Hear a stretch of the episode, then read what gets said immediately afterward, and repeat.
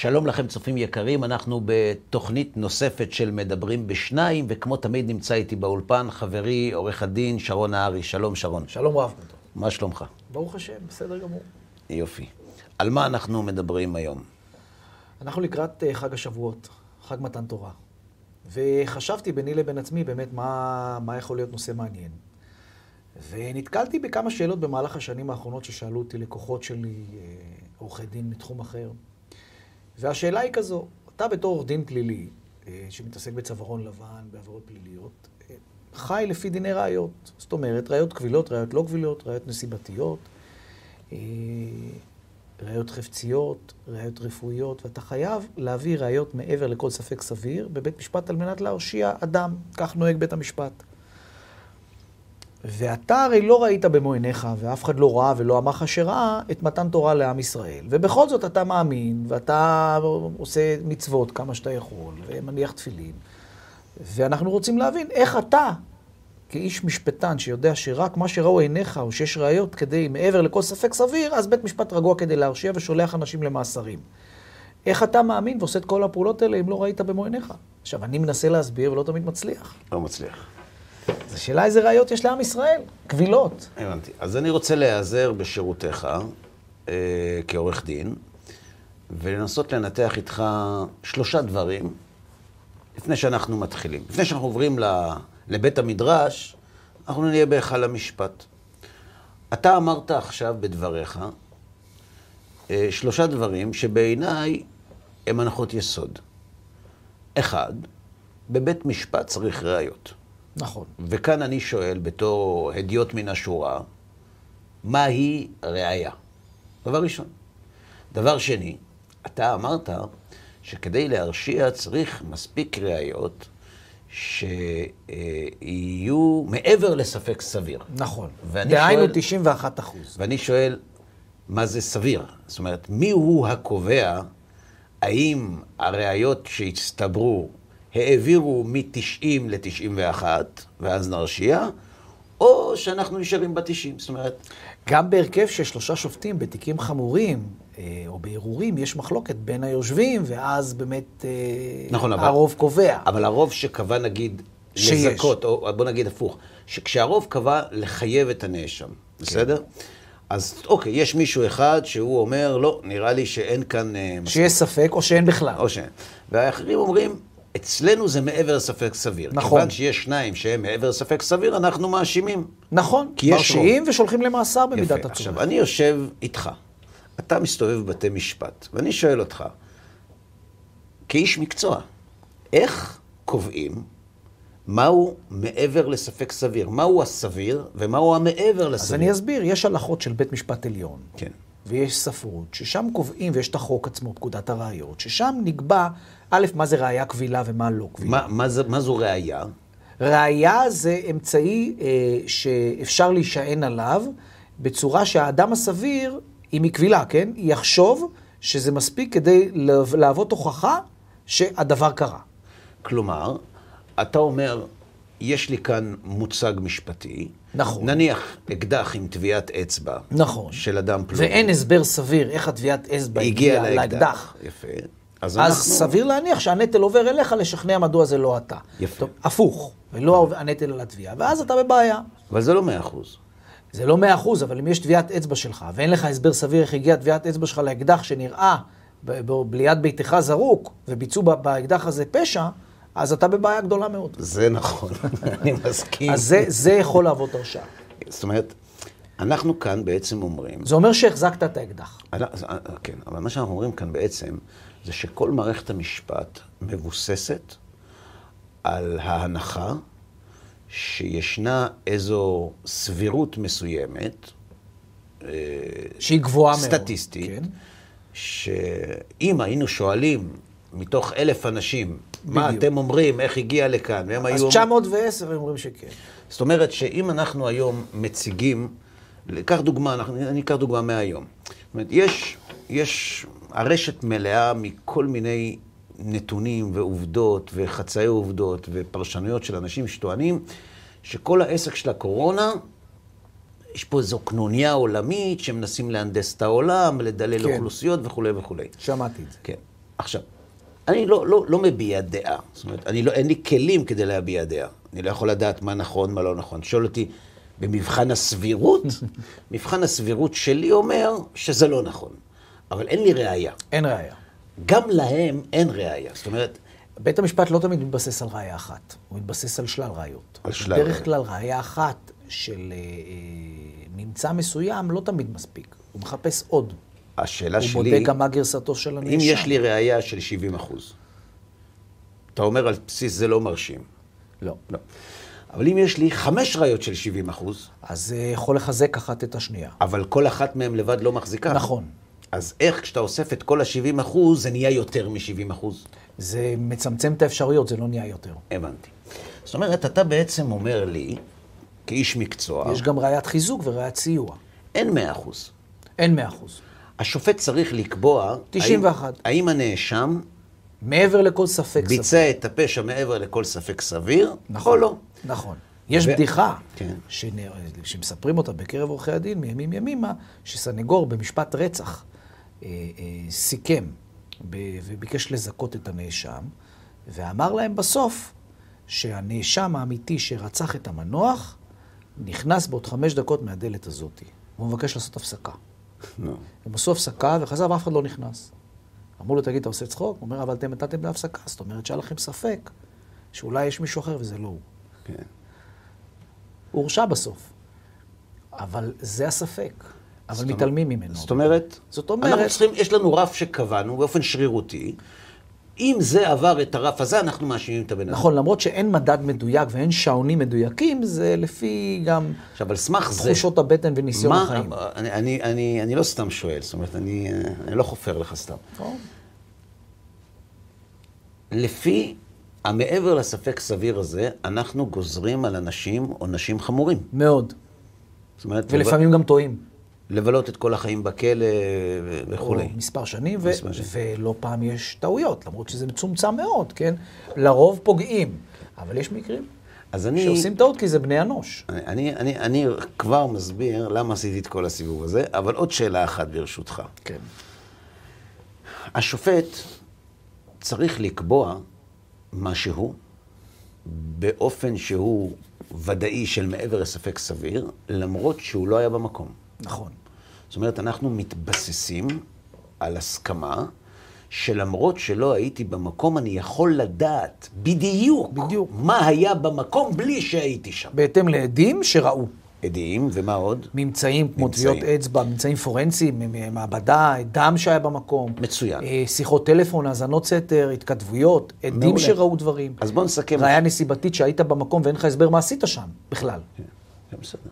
אז בואו נסכם את שלושת הדברים שעסקנו בהם. א', שאין מאה אחוז. נכון, ב', שאנחנו צריכים שזה יהיה מעבר לספק סביר. נכון. ג', שאנחנו יכולים לקבוע מה היה למרות שלא היינו שם, בסבירות גבוהה מאוד, כן. כמובן. בסדר? כן. עכשיו, למה עשיתי איתך את כל הסיבוב הזה?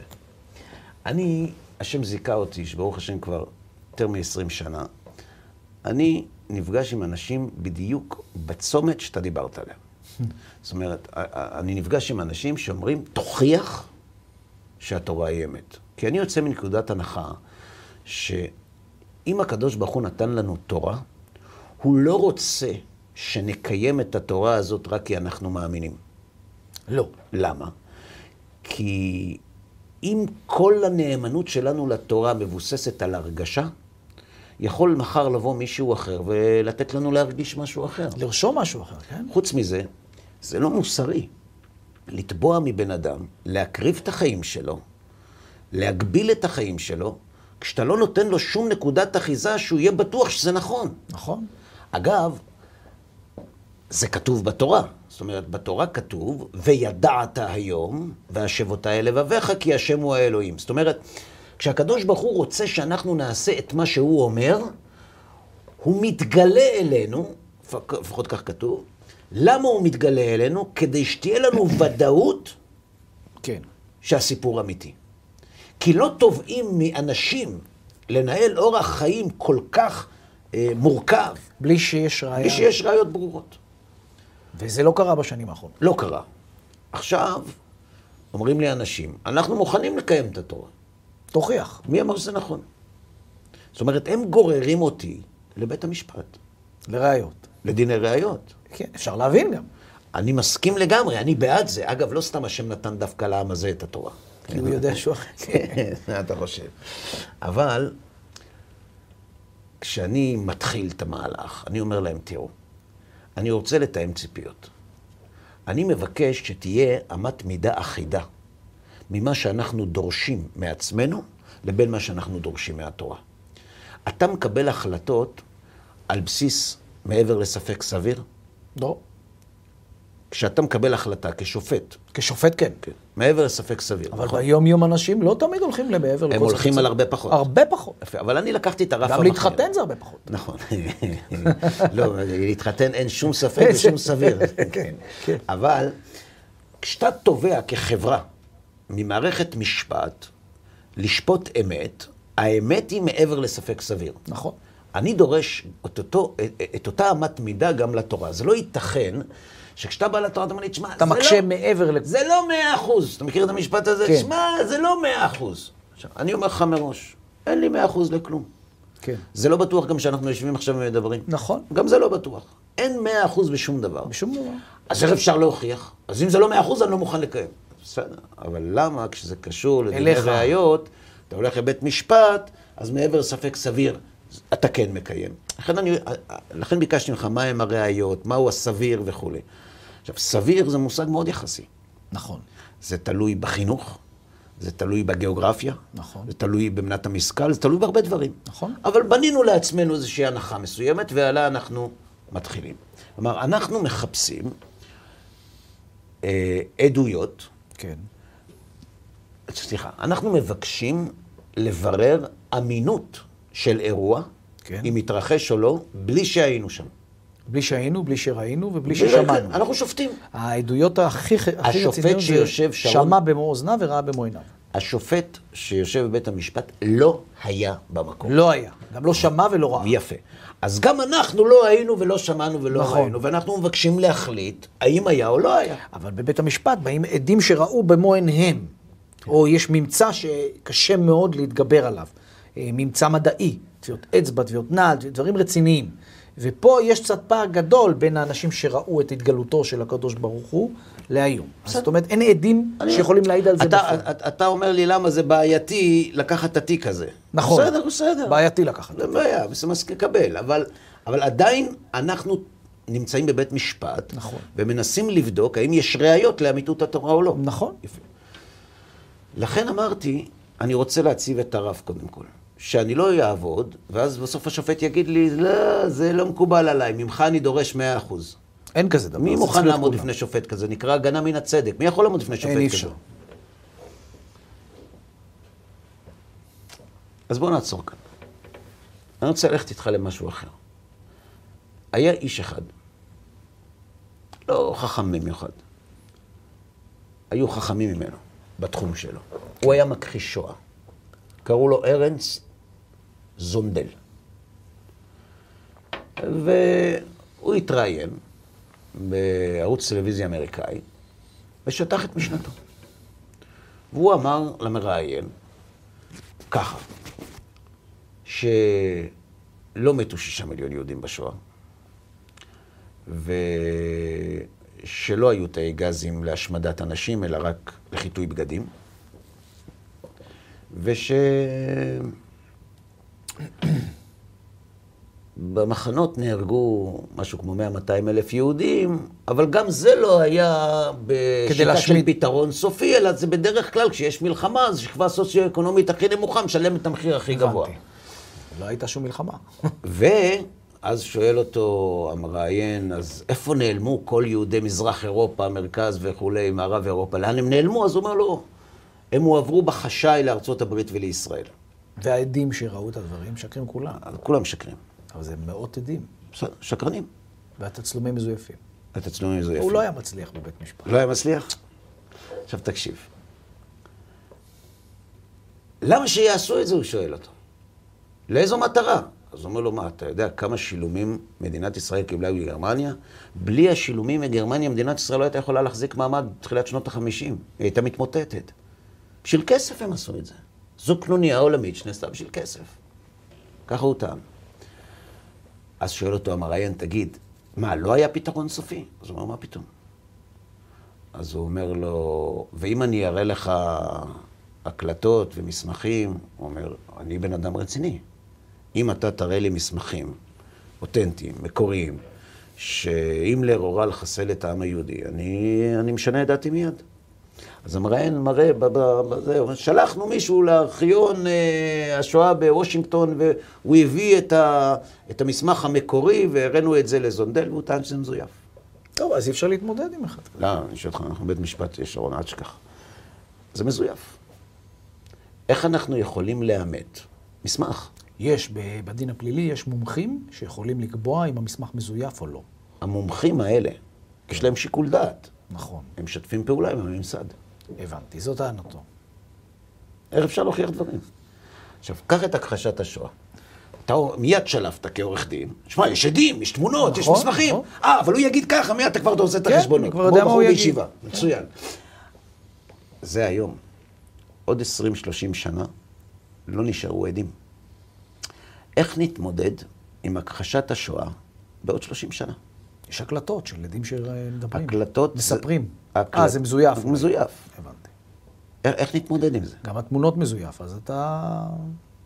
יישאר רק דורות שמספרים. אני לא מדבר איתך על המאה ה-15. על סמך אבא ואימא שיספרו לילדים. אבא ויספרו לילדים. זה, זה, זה עובד בבית משפט? לא. לא, אז גמרנו. אז לא הייתה שואה. זאת אומרת, אנחנו הולכים לקראת תקופה של עוד 50 שמה שלנו היה ברור, בוודאות, כי סבתא שלי סיפרה לי. היא הייתה שם. היא עצמה סיפרה, כן. יבואו אנשים, עוד דור שניים אין סבתא. יגידו לך בפנים, אתה מדבר שטויות. וזה יכול להיות שזה יהיה הנין שלך, שיגיד לך את זה. כי זה לא יכול להיות, כי זה לא הגיוני. זאת אומרת, יש כאן אירוע שקרה בדור שלנו, במאה ה-20, ועוד מאה שנה... עוד מאה שנה בכלל זה בעיה. הוא יהיה שנוי במחלוקת. אגב, כבר היום, בארצות אירופה, כשמתראיינים מכחישי שואה... יש ניצוצות. אז אומרים, זה שנוי במחלוקת. אתה מבין? איך אפשר לשמר אירוע כדי שיהיה קביל כעדות בבית משפט גם בעוד מאה שנה כשלא יהיו עדים? זו העבודה של שנינו. זאת אומרת, אנחנו עכשיו נמצאים 70 שנה אחרי השואה, 70 משהו שנים אחרי השואה, ואנחנו רוצים ש... שאף אחד לא יוכל לבוא ולהגיד שלא הייתה שואה, ומי שיבוא ויגיד, אנחנו נתבע אותו בית משפט, אה, אני יודע, אה, בפשעי מלחמה בהאג, ואנחנו נצליח להוכיח שם שהוא משקר. איך, איך עושים דבר כזה? הרי אתה אמרת לי... בדרך המשפטית יש דרך לעשות איך? יש מה שנקרא עדות מוקדמת. דיינו. ברגע שאתה מבין שעוד כמה שנים אדם לא יחיה, או שמצבו הולך ומידרדר, אתה מבקש היום בבית המשפט לקבוע... נתן מעטפות, דברים כאלה. כן. כן. אתה מבקש היום עדות מוקדמת כן. מאותו אדם, שיעיד היום בבית משפט על משפט שצפוי להיות למישהו אחר, או נגד מישהו אחר, בנושא מסוים. מהסיבות של א', ב', ג', ד', מצבו הבריאותי, גילו וכולי, ואז בית משפט עורך פרוטוקול עם, עם עורך דין שמייצג וחוקר, וזה נשמר. Mm-hmm. על ידי בית משפט עם סמל של מדינת ישראל. ואז הופך להיות עדות ראייה קבילה. גם עוד 50 שנה. לכל החיים. Mm-hmm. יכולים להגיד שאולי זה... לא, מזויף לא יכולים להגיד, מכיוון שיש חותמת, זה נכנס לתיק. Mm-hmm. וזאת העדות. עכשיו, אם הבן אדם הולך, הולך לעולמו, הוא לא יכול להעיד, אבל אם הוא העיד לפני, זה קביל. אז לכן, לכן ביד ושם עושים אה, דפי עד וכאלה? נכון. זאת אומרת, מתעדים. אני לוקח את סבתא שלי, היא רושמת. היא רושמת הכל, מוקלטת. מוקלטת כן, אז כמה שקרנים יכול להיות? אז יש עוד עדות ועוד עדות ועוד עדות ועוד. אז אתה אומר, במאזן ההסתברויות, העדויות האלה שכנעו אותי שהיה. זאת אומרת, אם אני רוצה עכשיו, אתה, אתה פה על תקן אין לעשות של היועץ המשפטי שלי. זאת אומרת, אני, יש לי מטרה. המטרה שלי זה לשמר את השואה. את השואה. אז אפשר. כעדות קבילה במערכת משפטית, כן. שלא יהיה ניתן להכחיש אותה. נכון. אז אני רוצה להגיד לך מה, מה, מה התוכנית שלי, ואתה תתקן אותי איפה שיש בעיות, איפה שזה חזק. אתה גם מגיש את המוצגים, שיקבלו חותמת, זה מוצגים בתיק לכל החיים, אז, אז סרטונים, בוא... תמונות, רעיונות של... כמה שקרנים. דרך אגב, בשביל לשקר ולהמציא סיפור כזה צריך להיות מניע. מה המניע?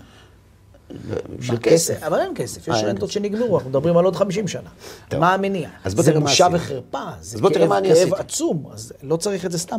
אז אחד שרואה 30 עדים ו-40 עדים וסרטונים ושערות ונעליים ועדיין מקומות וזה שיש בגרמניה בכלל אז אנדרטה אז יש- שהנציחה את אז זה. איך יש מכחישי שואה? זאת אומרת, הם הם הלא סבירים. הם הלא סבירים. הם הלא. סבירים.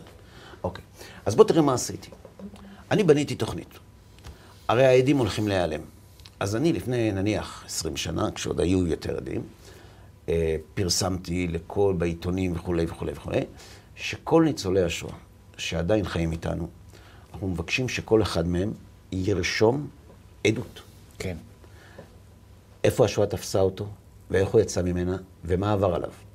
ואנחנו רוצים שזה ייעשה בפני עורך דין, נוטריון, הכל. חוקר, שופט, זאת אומרת, מר- מרכיבים צוותים ושולחים אותם לאנשים, כן. ומתעדים את כל העדויות. אחרי שאספנו 250 אלף עדויות, אנחנו מצליבים את כל העדויות אחת עם השנייה כדי לבדוק אם יש תאריכים זהים בעדויות שונות שיכולות לספר לנו למשל על היוונה היום מטרבלינקה. כי אם ב-29 לנובמבר 1942 אה, הגיע איוונה היום לטרבלינקה, אז כל מי שהיה בטרבלינקה בתאריך הזה, לא ישכח את האיש הזה. ככה עושים. אחרי זה, אנחנו לוקחים את כל העדויות, אוספים אותן למסמך אחד, רושמים את כל העדויות, מספר סידורי, ואוספים את כל העדים לפארק גני התערוכה, בסדר? ואנחנו עושים שם משהו כדי שיהיה מעוגן מבחינה משפטית, תגיד לי אם יש בזה, אם יש בזה משהו. באים כולם, ואז הכרוז מודיע שכל אחד ייקח את העדות שלו, שיבוא עם הילדים, עם הנכדים שלו, ויעביר את העדות שהוא רשם לבן שלו, ויגיד לו, בני, העדות הזאת נכתבה ונחתמה על ידי.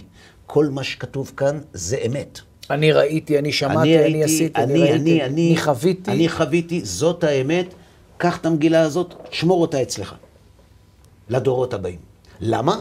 כדי שאם עוד 50 שנה יבוא מישהו ויגיד, לא הייתה שואה." לא הייתה שואה, אתם תוכלו ללכת במקומי, אני כבר לא אהיה כאן עוד 70 שנה, אתם תוכלו ללכת במקומי לבית המשפט, והעדות שלכם תהיה קבילה בגלל מה שעורך דין שרון נהרי אמר. בסדר? מעבירים את כל המגילות לילדים. עכשיו, עוד נקודה. יש בעיה. סביר להניח שבכל בית של ניצולי שואה, המגילה הזאת תהיה אחד הדברים הכי חשובים וקדושים במשפחה הזאת. זאת אומרת, אם חס ושלום צריך לברוח מהבית, אחד הדברים הראשונים שהם ייקחו איתם נכון. זאת המגילה הזאת. אבל עוד דבר, מה יקרה אם יתברר שבוונצואלה, בקרקס, חי איזה ניצול שואה, שיש לו סיפור מרתק, אבל הוא לא שמע על, על המערך הזה שאנחנו בנינו, והוא ירצה להוסיף את העדות שלו למסמך. זו בעיה גדולה. מאוד. כי כל האמינות זה של נקרא עדות המסמך- כבושה. מאוחרת. מאוחרת, כבושה, שלא נאמרה אז. נכון. ועדות. זאת אומרת, יש בעיה. המשקל שלה מאוד נמוך. לא רק שהוא נמוך, אנחנו בשביל להוסיף את העדות שלו למסמך שנמצא אצל כולם, כי לכולם יש את המסמך שמרכז את כל העדויות. ואם נוסיף את זה רק למסמך אחד, יתחילו להיות גרסאות שונות. ואתה יודע, גרסאות שונות של עדויות, מפיל לא את הסביר. את המתחת לסביר. לכן, אנחנו חותמים את המגילה במעמד העדים הראשונים. זאת אומרת. במעמד אלו שהיו בשואה. חותמים ולא משנים יותר, לא משנה מה יהיה. אפילו אם יבוא מידע סנסציוני, שום דבר. מעבירים את זה לילדים, אוסרים להוסיף, אוסרים לשנות, ומבקשים מהם שישמרו על זה ויעבירו את זה לילדים שלהם. בסדר? עכשיו בואו נניח שאחרי מעמד כזה, קם זונדליסט אחד בהולנד, ואומר לא הייתה שואה. מה אנחנו עושים, שרון? ישר שולפים. הולכים לבית משפט, מגישים את מביאים את הקבילות. המסמך. אנחנו אמנם לא היינו באושוויץ, אבל כל העדים. אבל כל העדים שאנחנו היינו איתם כאן, וראינו שהם חתמו, והם חתמו בפנינו כן היו, ומכאן שלפי המסמך הזה, אם היו מגיעים כל העדים הראשונים לבית המשפט, בית המשפט היה קובע שהייתה שואה. נכון. לכן, אנחנו מבקשים בית המשפט להכניס את האיש הזה לבית סוהר באשמת הסתה, הפצת שקרים וכולי וכולי. נכון, זה, מבחינה משפטית זה עובר? כן. זה טוב דור שניים. אבל איך אני משמר את זה לעוד עשרה, עשרים דורות? זו בעיה. אגיד לך למה, כי הכל טוב ויפה, אבל עם השנים יש לו מגילה, מגילת יוחסין. את הסבתא שלו, מגילת יוחסין, מיוחס למי הוא מיוחס, העולם מתקדם, לא מעניין אותו. ואנחנו רוצים שלעולם לא עוד. אז חייבים לשמר את זה. לכן עושים יום השואה יום למשל. השואה. באמת, כן. אבל זה עדיין לא מספיק. אני צריך שאני אוכל להגיד, יש לי רצף, רצף של עד מפי עד מפי עד מפי עד עד בית המשפט. נכון. איך אני עושה דבר כזה? אז אני אגיד לך, אני מקים מועדון. מה תפקיד המועדון? חוץ מהעדות, שהיום אדוני עורך הדין אומר שהיא קבילה בבית המשפט, אני צריך שיהיה מישהו שנושא את העדות הזאת, וזה תפקידו. זאת אומרת, הוא לא מתעסק בכלום חוץ משימור זיכרון השואה. זה הכל. וכל המועדון סביבו עושה את זה. כל תומך המועדון בזה, סביב- מדבר כן, על זה. מדבר פעם בשנה, פעמיים בשנה, אבל יש לנו את, ה, את גרעין. הגרעין הקשה, שזה מה שהוא עושה. ואנחנו בונים תוכנית מאוד מאוד אה, מורכבת לגרעין הזה. קשה מאוד לשרוד בגרעין הזה, אבל אנחנו בונים אותה. למשל, אנחנו אה, קובעים שמי שחבר במועדון, לא חייבים, אבל מי שרוצה להיות חבר במועדון, חייב ללכת עם טלאי צהוב, למשל. למה טלאי צהוב? זילות השואה, הפוך. אתה הולך. בשדרה החמישית במנהטן, היום אתה לא הולך, כן, אבל כשאתה הולך, ואתה הולך עם טלאי צהוב, אתה מייצר פרובוקציה. אנשים מתחילים לדבר, מה זה, מה, מה פתאום, מה, מו, מו, מו, אה, השואה וזה. זאת אומרת, אתה משאיר את זיכרון השואה חי. ואז שואלים מה זה, אמא מה זה, אבא מה זה, כן. למה, מה היה? בדיוק. או למשל, כל חברי המועדון על הדלת למעלה, על המשקוף למעלה, שמים אה, סמל של העבודה המשחררת, למשל. כן. אז כל מי שעובר, הרי כולנו יודעים מה זה עבודה משחררת, כל מי שעובר שם, מה זה המשוגעים האלה? מה הם עושים פה? אה, זה מהמועדון של השואה, כך. או למשל, אה, עושים, אה, לא יודע אם זה חוקי, אנחנו מדברים, אף אחד לא שומע אותנו, מספר כחול. מספר כחול. כל הילדים, הילדות עושים מספר כחול על היד. יש דרך אגב טרנד חדש שעכשיו עושים את המספרים, הצעירים עושים את המספרים של הסבא וסבתא שלהם מהשואה. ראיתי תוכנית טלוויזיה שהתחילו כן. לעשות את זה היום כדי לשמר. חלקם אוהבים את זה, חלקם לא אוהבים את זה, אבל אוקיי. הם עושים את זה כדי לשמר. כן, גם את מה שאני מספר הרבה אנשים לא אוהבים, אבל אני, לא מעניין אותי אם אוהבים אותי או לא. מעניין אותי דבר אחד. שאני. אעמוד מול בית משפט, תהיה לי הוכחה. ו... שלא יגידו שהמצאת או כתבת או עשית את נכון. העדויות של זה. אז יש לי את המועדון, שחי ב... בזיכרון שואה יומיומי, ומשמר את המגילה, כשהמגילה המקורית נמצאת ביד ושם, והם, התפקיד שלהם זה, זה לדאוג, לשמר, לעשות הרצאות, להביא, להסביר, ילדים וכו'. זה התפקיד שלהם. ויש גם אה, ימים, ימים שנתיים, למשל, אתה יודע, יש מסעות לפולין. כן. יש ויכוח אם מסעות לפולין כן טוב, מסעות לפולין לא טוב, לא נכנס לזה. לי יש מטרה. המטרה שלי זה להעביר את כל הילדים של חברי המועדון את החוויה הזאת. ואני אגיד לך גם למה. כי אם בן של חבר מועדון לא ירצה להמשיך במועדון, כל ההשקעה שהשקעתי בחבר הראשון יורדת לטמיון, כי הבן נכון. שלו לא ימשיך אותו. זאת אומרת, אני צריך עדות. שהחבר יביך. עדות, עדות שאין בה פגם, ואני צריך גם מועדון מתמשך שאין בו חורים. לכן, מילדות, כל יום שלישי בשבוע אחרי צהריים אבא סוגר את העסק, לוקח את הבן שלו לג... לגינה, יושב איתו ומקריא לו ערכים מהאנציקלופדיה של השואה.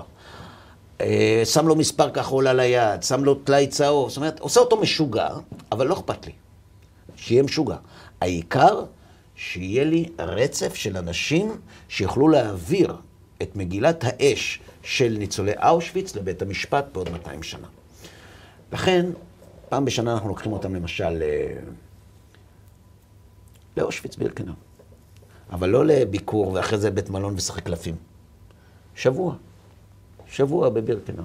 עם הפנחות מרק, ועם הבגדים, ועם הצעקות, ועם הריח, ועם הכל. זה טראומה לכל החיים. זה טראומה. הם לא ישכחו את זה. לא. אחרי זה, אנחנו לא מחזירים אותם באל על. באקסודוס.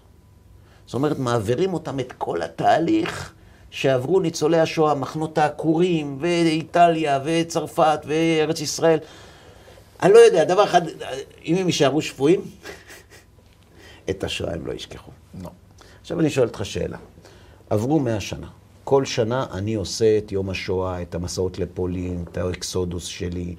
יום בשבוע כל אבא לוקח את הבן שלו, עושים מספר כחול על היד. עוד מאה שנה אם אני בא עם המועדון הזה לבית משפט. קביל. קביל? כן. אתה אומר את זה כעורך דין?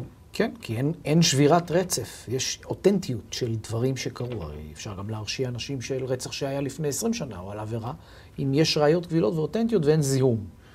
תגיד לי אותנטיות בבקשה, הראיות והזיהום מאוד חשובים. אם. אני זוכר טוב בתחילת הדיון שלנו, אתה אמרת שאנשים שואלים אותך, איך אתה, שלא ראית.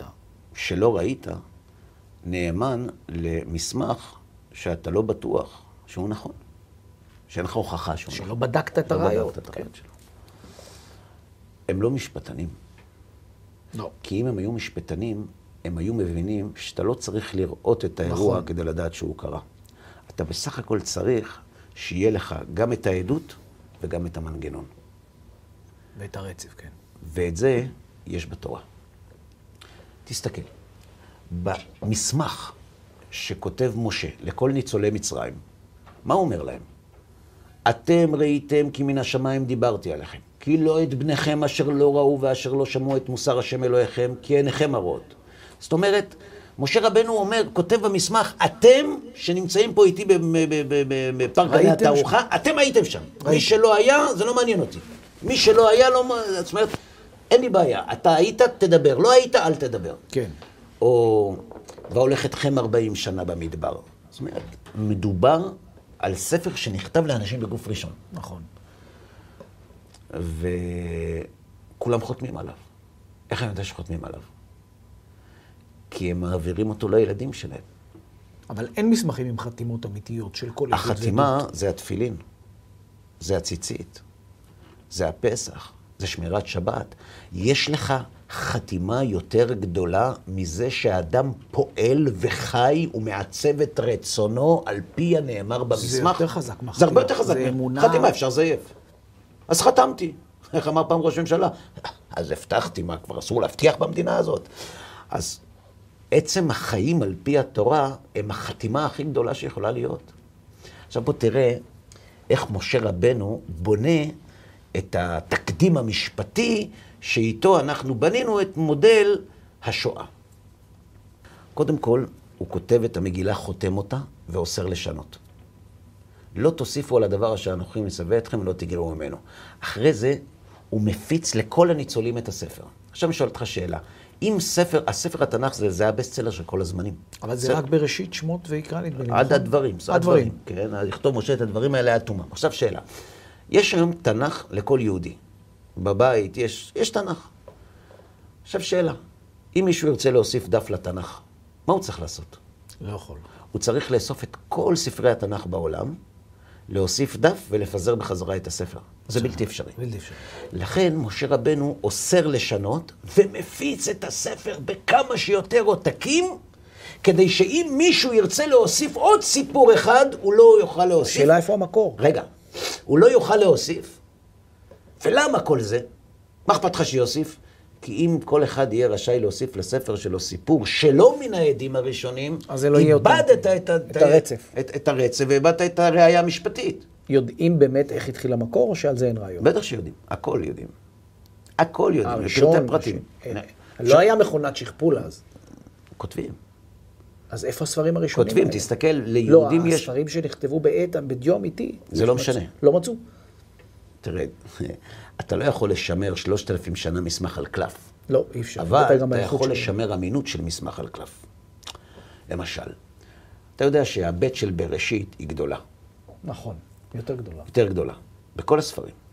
זאת אומרת, היהודים יצאו לגלות וחזרו מהגלות, ואצל כולם הבית גדולה. זאת אומרת, אם תסתכל איך סופר כותב ספר תורה, כמו במקור, קלף, קלף של בהמה, קולמוס מנוצה ודיו. יש הלכות איך מכינים את הדיו, הכל.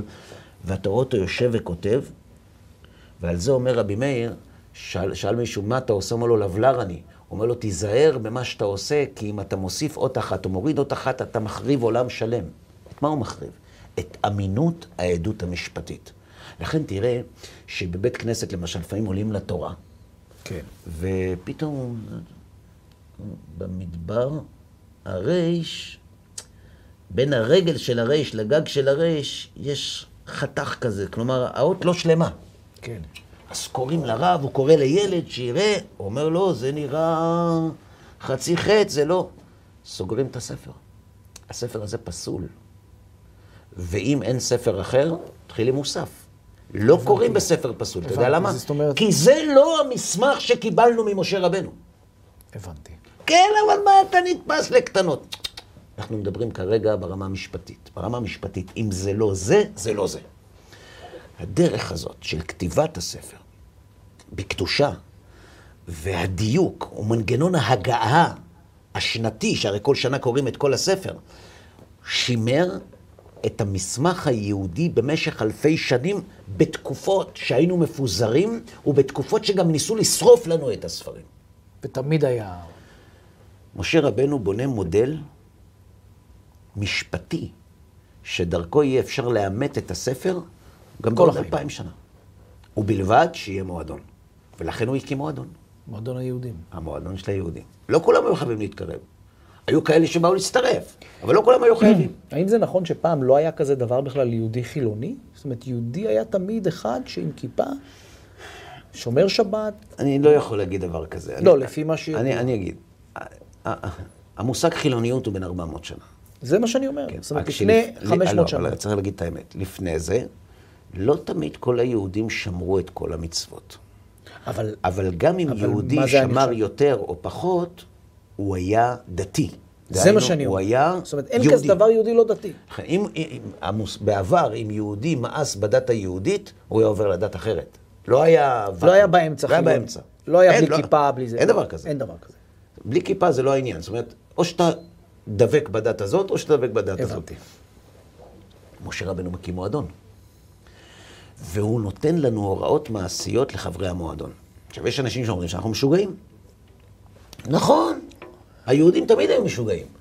אבל את היהודים המשוגעים עניין רק דבר אחד. שכששרון ואהרון ישבו באולפן של ערכים וישאלו האם יש הוכחות משפטיות לאמיתות המסמך, למרות שלא ראינו את העדים, יהיה לנו. קוראים לזה תפילין. קוראים לזה, מה זה, מה זה הטלאי הצהוב? ציצית. וראיתם אותו, וזכרתם את כל מצוות השם, אני השם אלוהיכם אשר הוצאתי אתכם מארץ מצרים. שמור את יום השבת לקדשו. למה? למה כדי לשמור את שתזכור שאדוני נתן ב... את ארץ מצרים, יצאנו מארץ מצרים. כן? נכון, למה שמים תפילין?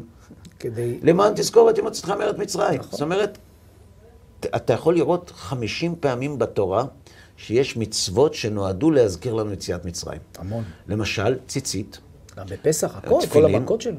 או מזוזה. עכשיו, אתה יודע כמה זה חשוב מבחינה חברתית? זאת אומרת, אתה נוסע עכשיו לחו"ל, אתה נתקע, פתאום אתה רואה בית עם מזוזה. אתה יודע שהוא חבר מועדון. נכון. או שאתה רואה מישהו הולך, אתה נתקע באיזה מקום, אתה רואה מישהו עם זקן, עם ציצית. חבר מועדון. כן, חבר מועדון. והדברים האלה קורים לכל מי שמסתובב בעולם. אבל היום כולם יש גם חוזרים מספר כחול. חוזרים למצרים, כל הצעירים. הולכים לבלות בדם. אנחנו לא אמורים להתרגש מדור שניים, שלוש. לא, הם גם אנחנו, לא, אנחנו לא עברו רצים, לשם. אנחנו הם נהנים מהים. אנחנו רצים למרחקים ארוכים. המספר הכחול על היד זה ברית מילה. אתה יודע מה, מה המספר הזה עושה? מה? הוא גורם לילד שגם אם הוא ירצה, הוא לא יוכל לעזוב את המועדון. הבנתי, זה כמו ברית מילה, נכון. נכון, הוא ביום השמיני, ימול על בשר הולדתו. אתה שואל בן אדם, אתה עושה ברית מילה? הוא אומר לך, אני יהודי. אבל אתה לא דתי, מה, יש לך מונופול על הדת? מי אתה שתגיד לי מתי לעשות ברית, מתי לא לעשות ברית? לעשות ברית מתי שמתחשק לי, מה אכפת לך אם אני דתי או לא. זאת אומרת, הוא לא שם לב שכשהוא עושה ברית לבן שלו, הוא משמר את העדות שתהיה הוא גם לא יודע להסביר למה הוא עושה. את זה, למרות שהוא לא שומר שבת לא ולא מניח תפילין. זה לא אכפת לי, העיקר שיש רצף. כי אתה עורך דין, העיקר שיש רצף, כמו שאמרת, מהעדים הראשונים עד היום. יש לנו גם מסע לפולין, כל שנה, פסח. אבל זה לא כמו ברית מילה, כן. פסח. אתה מושיב אנשים שבעה ימים, שבעה ימים, לאכול מצות, אתה יודע מה זה? זה לא פשוט בכלל. מי שעבר פסח כהלכתו, לא ישכח את פסח. כל שנה, שבעה ימים, אנחנו חוזרים למחנות. יושבים סביב השולחן, אוכלים בהסבה, אוכלים מרור, ואומרים, זכר לזה, זכר לזה, זכר מצרים, לזה. יש לנו גם, יש לנו את אקסודוס שלנו. אקסודוס שלנו זה חג הסוכות. ישנים בסוכה. מה זה סוכה? אנחנו רגילים לזה. אני לפני 27 שנים התגוררתי בהונג קונג, ואני הגעתי שם בסוכות. והגעתי לבית הכנסת, היה שם זה גוי סיני, הרבה שנים, שהיה שמע של בית הכנסת שם, אתה יודע, איש תחזוקה. ואני הייתי בחור צעיר, אז הוא ראה אותי ודיבר איתי, אז שואלתי, מה זה? מה זה? מה זה הבמבוג הזה? שם בונים סוכות מבמבוג. מה אני אגיד לו? יצאנו ממצרים, יצאנו ממצרים, מה אני אגיד לו? תקשיב מה אמרתי לו. אמרתי לו, אני, אתה יודע מאיפה אני בא? הוא אומר לי, כן, מישראל. כן. אתה חושב שנולדנו כולנו שם? לא היינו שם. אנחנו היינו עבדים. היינו עם של עבדים. שיעבדו אותנו, העבידו אותנו עבודת פרך, אבל יום אחד התפרענו, התאגדנו, מרדנו, ויצאנו לדרך עד שבאנו להולילנד שלנו. בדרך, זה לקח 40 שנה. איפה ישנו? במדבר? בבמבור. בסוכות. לכל משפחה היה במבור, אני אומר לו. וכיוון שאנחנו הגענו לארץ וההורים שלנו לא רצו שאנחנו נחשוב שהכל מגיע על מגע של כסף, שזה צרה של ילדים של עשירים, שהם לא יודעים להעריך את מה שיש להם, אז כל שנה ההורים שלנו בונים במבור. אז אנחנו שואלים אותם, למה אתם עושים במבור? ואז הם מסבירים. שתבין, אדוני, שזה שאתה קם בבוקר ויש לך בית ויש לך משטרה של יהודים וצבא של יהודים ומדינה של יהודים, זה לא מובן מאליו. ושילמו הרבה בחיים שלהם. בדיוק. מה אתה אומר? הוא אומר, זה כל כך חינוכי, זה כל כך יפה. זה מתאים ליהודים, אמר לי הגוי. תגיד, ומתי זה היה הבמבוג הראשון? הראשון. הוא גם ביקש ראיות. אמרתי לו, לפני 3,303 שנים. הוא מסתכל עליי ככה, הוא אומר לי, זה לא נכון, רביי. אמרתי לו, למה אתה אומר שזה לא נכון? הוא אומר, כי אם זה היה נכון, מזמן היו עושים עליכם סרט בנשיונל ג'אוגרפיק. כי זה לא יכול להיות. נכון. זה. נצחיות עם ישראל ונצחיות התורה הם הוכחה לשימור המגילה ולשימור המועדון. זאת אומרת, אנחנו לא צריכים להיות בדור הראשון כדי להיות בטוחים שזה נכון. אז יבוא הקונספירטור ויגיד לך, אדוני עורך הדין, אבל זה לא מאה אחוז. אנחנו בבית משפט לא צריכים מאה אחוז. אנחנו צריכים מעבר לספק סביר. נכון. לכן, אם מישהו שואל אותך, איפה אתה יכול לדעת שזה נכון, אז תגיד לו שני דברים. שתהיה לך דרישה מעצמך ומהתורה באותה רמה, ושתסביר לי איך אפשר למנוע את הכחשת השואה בעוד מאה שנה, בוודאות, משפטית. רעיון טוב. כשהוא יחבר את שני הדברים האלה, הוא יגיע לתורת ישראל. הוא יבין לרעיון של... זאת אומרת, אנחנו לא צריכים להאמין. וידע אתה היום, והשבות האלה לבביך. האם אתה היית מוכן כעורך דין, שהיוקרה שלו חשובה לו, לייצג את התיק של עם ישראל בבית המשפט של ההיסטוריה, לאור כל הנתונים האלה ושיעורי הבית שתעשה, כדי להוכיח שהתורה היא אמת. כן. אני חושב שזו מתנה גדולה מאוד מאוד לחג השבועות שבא עלינו לטובה, שבו זכינו לקבל את התורה שעד היום, למרות הכל, העם היהודי ממשיך לקיים אותה. אני מאוד מעריך את זה, שהגעת, עזבת את העבודה, ברחת מאולמות המשפט כדי לבוא לשבת איתי כאן. תודה רבה לך, עורך הדין שרון נהרי, חברי הטוב. שיהיה לך חג שמח. חג שמח, נהניתי. תודה רבה, תודה רבה גם לכם. לכם, צופים יקרים, שהייתם איתנו. אנחנו מקווים שנהניתם, ובעזרת השם, נשמח שתשתתפו איתנו בתוכניות נוספות. חג שמח לכם.